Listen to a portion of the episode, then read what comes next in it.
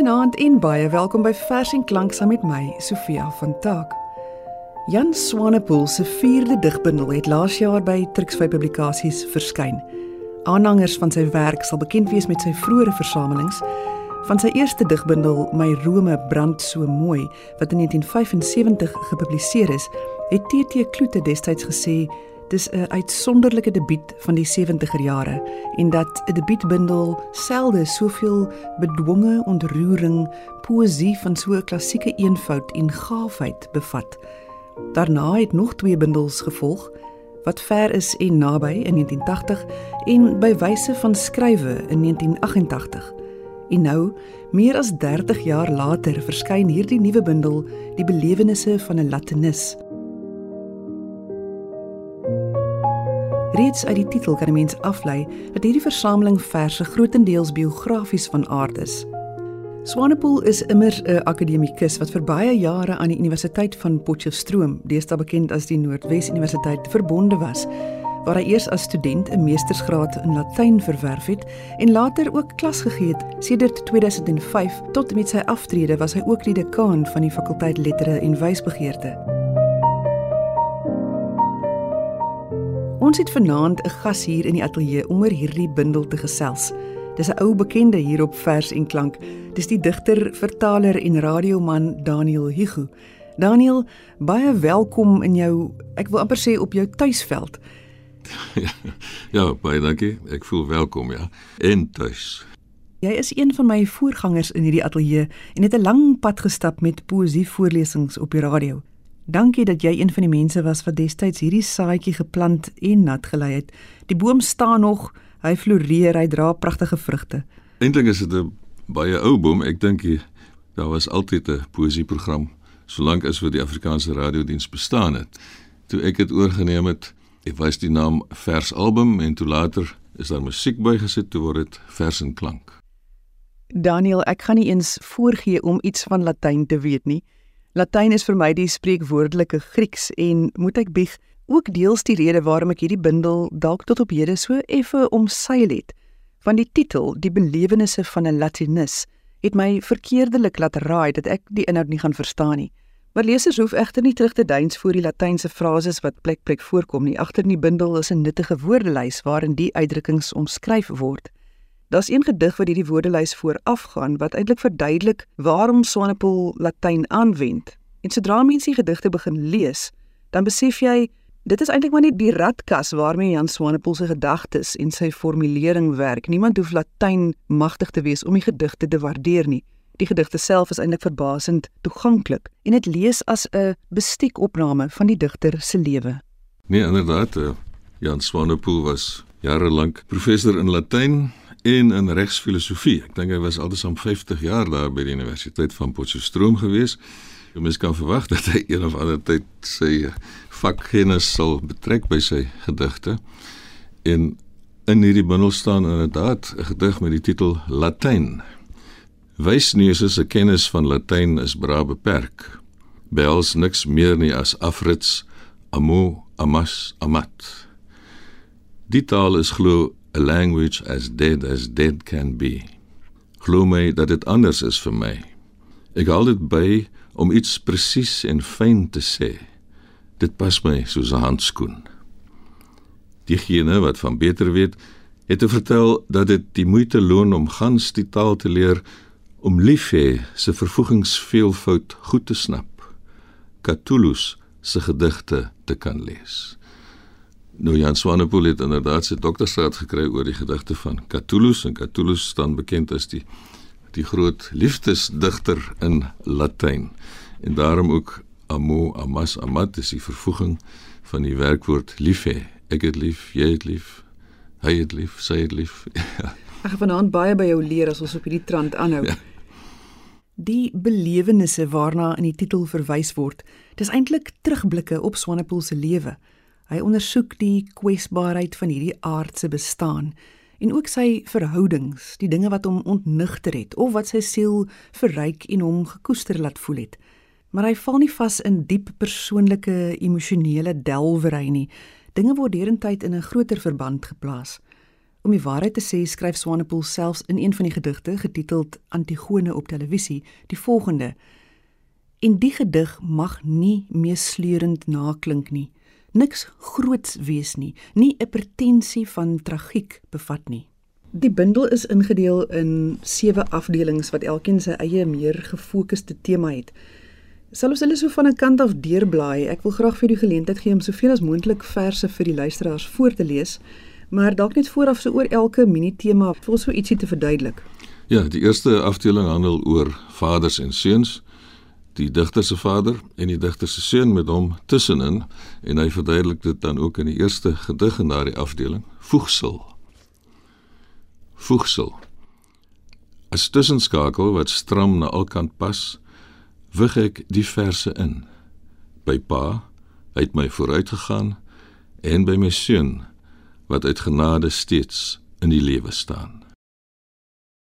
Die volgende gedig is nogal 'n redelik lang gedig en dit is 'n gebed wat handel oor sy pa wat lank siek was voor hy gesterf het.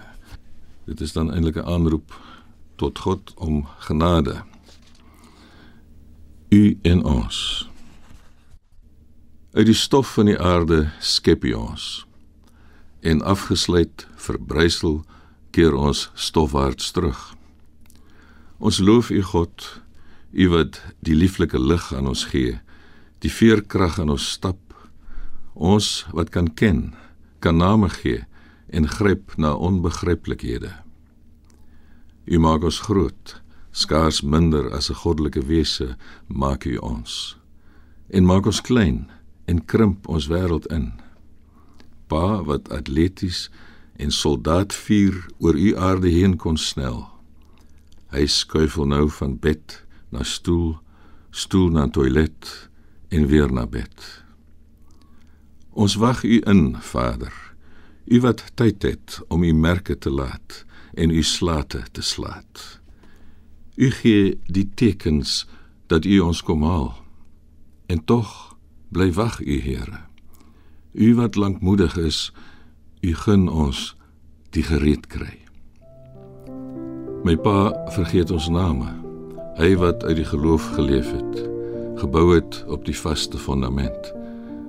Hy's aan sterf. Na liggaam en na gees is hy so lank reeds en so lanksaam aan het sterf. Neem hom in u hoede, Here. Gee hom in ons die sagte moed.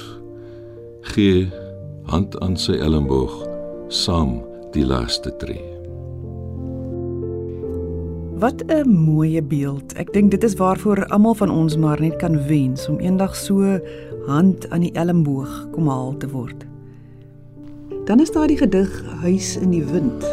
Ja, dit gaan nou weer oor die seun, die digter se seun, nadat hy nou geskryf het oor sy vader, oor sy pa. Huis in die wind. Die wind is om die huis. Onrustig ruk en pluk die wind. Laat ruite ratel in hul rame. Die rus ontwyk my en my seun. Hy sê vol sinne in sy slaap. Ek raak hom aan, probeer rus bring en noem hom op sy naam onrusbarend loei en loei die wind om my en om my kind.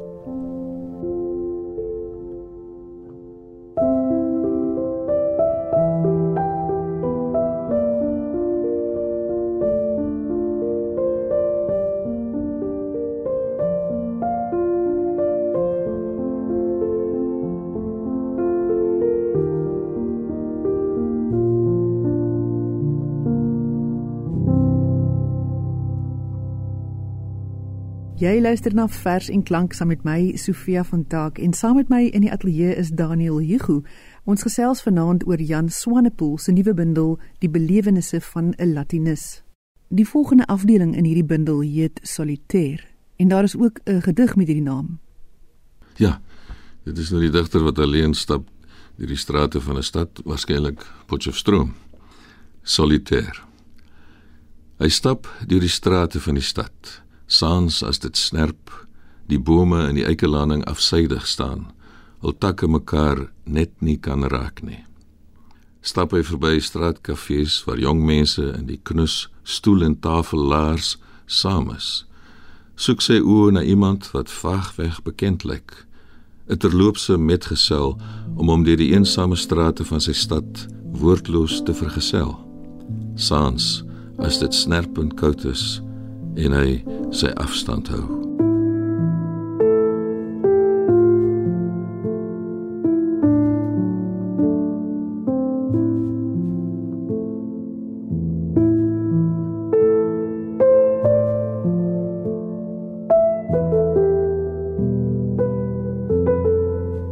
Wil jy nie vir ons nog 'n paar verse uit hierdie afdeling voorlees nie asseblief? Ja, graag. Ehm um, gesange. Ten einde laas kom daar aan woorde juis 'n einde. Verstil liedere in die beweginglose kil lug. Dis uit en klaar. Per implikasie staan die gesange by verlede deelwoorde geskaar. Nou die verlede deelwoord gesange is eintlik 'n selfstandige naamwoord, maar dit is gevorm volgens die die uh, metode van die verlede deelwoord. Dit wat gesing is, is gesang. Gesang. Ja. Dan is daar 'n kort versie Kristal vir 'n mededigter. Ja, kristal. Sy weeg die woord, lig dit tot teen die lig. Mens moet kieskeurig wees en stip kyk by die lees. Te lig nog. Dit sal sy môre in geslypter lig oorweeg. Die gedig wys my die plek. Ek gou natuurlik iets van Leipold wat ook die titel gebruik het. Ja, met 'n uh, stukkie galge humor in die slot. Dit is natuurlik 'n verwysing na die liefdesgedig van Siloe Leipold, maar in hierdie geval gaan dit nie oor die liefde nie, dit gaan oor die dood.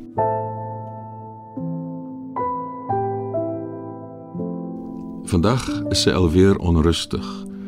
Aan mekaar haar hande na mekaar. Wil net nie stil lê nie. Effe agteroor hou sy haar kop. Aandagtig verken haar oë die plafon. Soek al vir jare na die spreekwoordelike plek waar sy die tydelike kan verwissel met die ewige. Ten slotte lepel in die dak kan steek.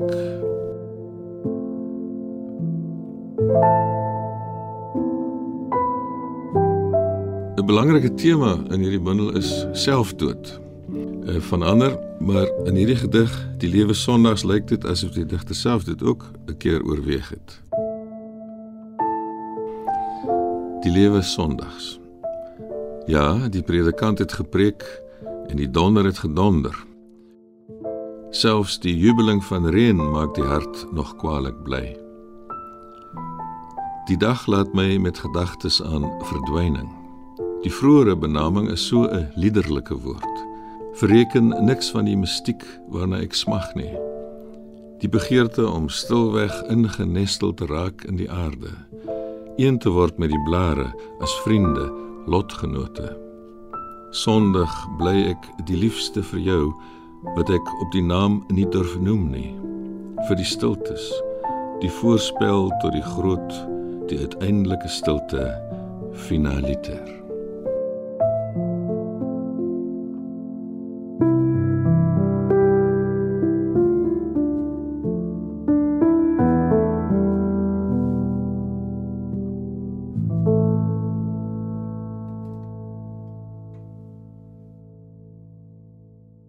Daniel, die volgende afdeling in hierdie boek heet Per aspera, as ek dit nou reg uitspreek. En dit beteken deur swaar kry of letterlik deur moeilike ruwe dinge heen. Ja, en dit is nogal 'n afdeling met liefdesverse. Dit sê baie van die liefde. Die eerste gedig in daardie afdeling heet Kom. Kom ons open die boeke en herlees die inskripsies. Kom ons onthou die motoriese moment, die geur van jou hare, die kyk in jou oë, die elektriese oomblik in die kragveld van ons liggame. Want alles is moontlik, beminde. Alles vir die wat liefhet. Wat glo dat bloeisels nie sal verwelk. Die wywing van die gras sal duur, die son sy baan sal bly volg. Die duif met takkie sy vlug oor vandag se water sal ken soos oor gister en eergister sin. Kom nou, beminde. Kom ons bly deur die fyn vergeelde perkament van 'n liefde wat soveel beloof het. En die volgende gedig is inderdaad 'n herskrywing van 'n gedig van Catullus, Jan Swanepoel se groot liefde, die Latynse digter. Oor wie hy ook sy skripsie gedoen het. Ja, inderdaad. Beloftes, 'n nasegging van Catullus. Wat jy vir my gesê het, liefste, dit moet soos alles wat 'n vrou sê vir 'n minnaar vol begeerte geskryf word. In die wind en water wat snel vloei. Beloftes kan dus nie standhou nie as dit oor die liefde gaan. Daai beloftes is by die een oor in en by die ander oor uit. ja, ja, inderdaad. En dan is daar 'n 'n teerder, 'n minder siniese of minder realistiese liefdesgedig met die titel Naak. Na middernag gaan ek langs jou lê, naak liefling, nie net na liggaam nie. Die lewe laat hom nie vervul en onvervuld bly ek. Streel jou hare, laat my hand gly oor die gladheid van jou been. Diep is jou asem, dig is jy in drome toegevou. Dan is daar my lieflingsgedig in die bundel, Jan Swanepoel se Die belewennisse van 'n Latinus, Postscriptum. Dit is Latyns vir naskrif. My lief, jy wat die naaste is aan my, laat my tog in my skemer ten slotte dit bely. Sonder jou aanraking bly lief hê Grieks vir my. Nou dit is natuurlik 'n 'n speletjie, doodgewone speletjie want die meeste Latiniste ken ook Grieks. Ja. die liefde is Grieks vir hom, maar Grieks is nie Grieks vir hom nie. Verder is dit ook vir my interessant die verwysing na Elisabeth Eybers hier. Haar debuutbundel was Belydenis in die skemer.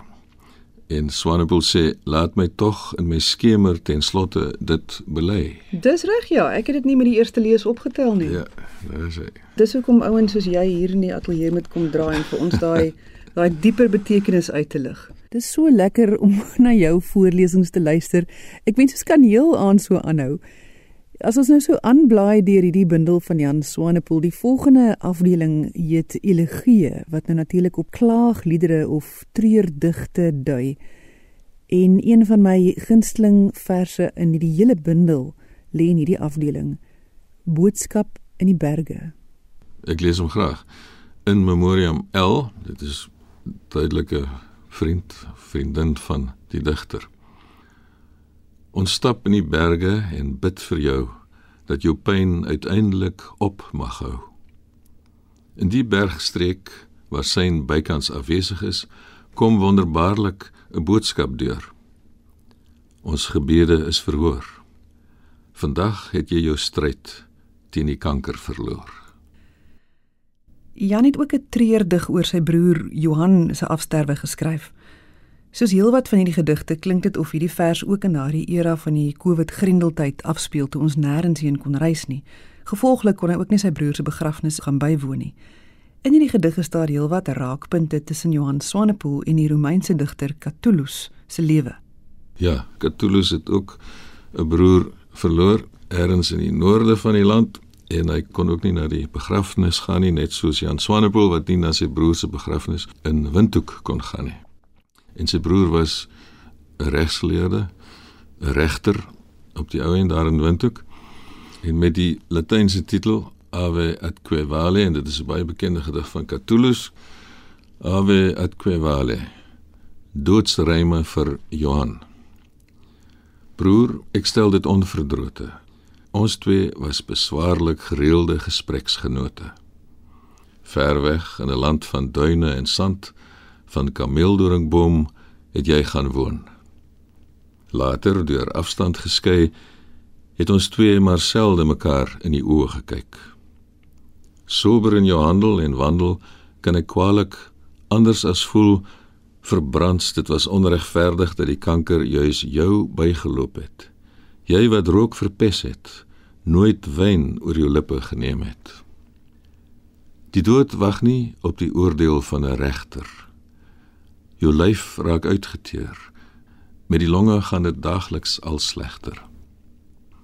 In jou testament was jy klink klaar. Jou liggaam sal geen draer grafwaarts dra. Met jou reeds afwesig maak 'n reis na die noorde bepaald min sin.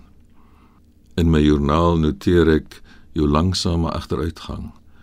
Haal ek Cthulhu se doodslied aan sy gestorwe broer woordeliks aan, vertaal dit in Afrikaans.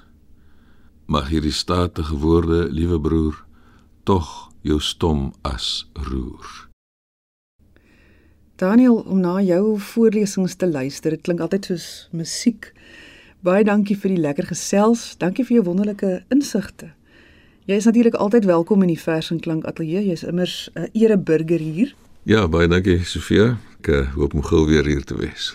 Sal jy vir ons 'n laaste gedig voorlees asseblief? Die laaste twee afdelings van die bundel is Inkyk en dan Uitwaarts.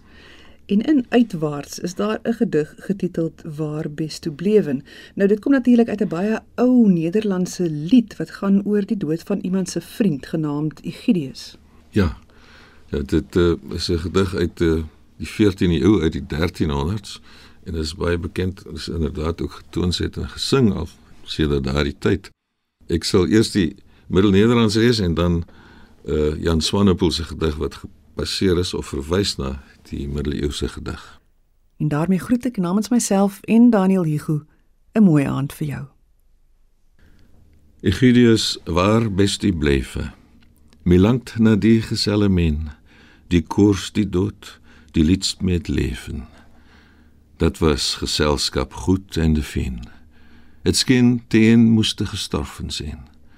Nu bestie in den troon verheven, klarer dan der sonnenskien, alle vrucht is die gegeven.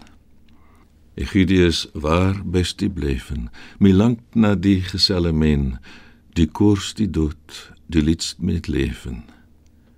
Nu bid voor my, ik moet nog sneven en in de wereld lieden peen. Verware min stede die beneven, ik moet nog zingen in liederkin. Nog dan moet immer gestorven zijn.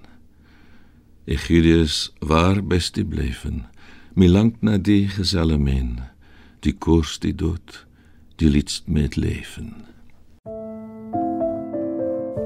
Hy sê sy vriende die dood gekies en jy laat die lewe aan my en hy eintlik verkies hy om dood te wees saam met sy vriend.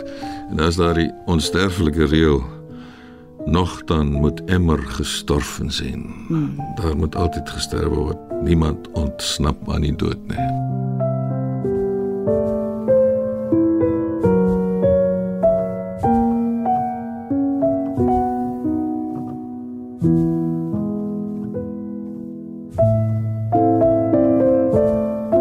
Jan Swanepoel se gedig waar bestie bleven oor 'n vriend van hom wat in 'n hospitaal gesterf het tydens die grendeltyd.